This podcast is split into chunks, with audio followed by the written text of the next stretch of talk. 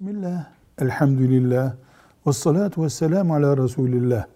Bir Müslüman başka bir Müslüman kardeşinden helallik istiyor. Hakkını helal et diyor. O da yok bir zararı, boş ver canım, nereden çıktı bu helallik gibi önemsemediğini yani bir helallik sorunu görmediğini beyan edecek ifadeler kullanıyor. Helal et hakkını diyene helal olsun kardeşim deyince hak yüzde yüz bitmiş oluyor. Bu anlaşılıyor. Ama onun yerine nereden çıktı bu canım? Ne zararı var? Nereden gerekti bu helallik gibi bir e, cevap verildiğinde helallik alınmış sayılabilir mi? Buradaki cevabımız şudur.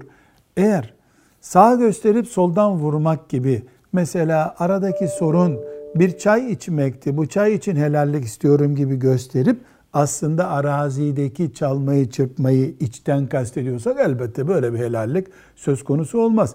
Çünkü iki bardak çay içince hakkını helal et kardeşim dendiğinde elbette nerede helallik ne gereği var kardeşim diyecektir bu taraf.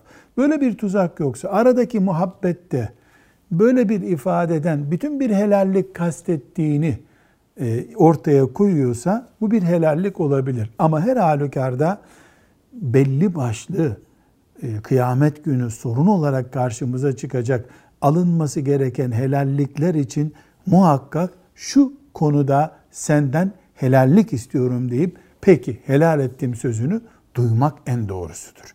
Velhamdülillahi Rabbil Alemin.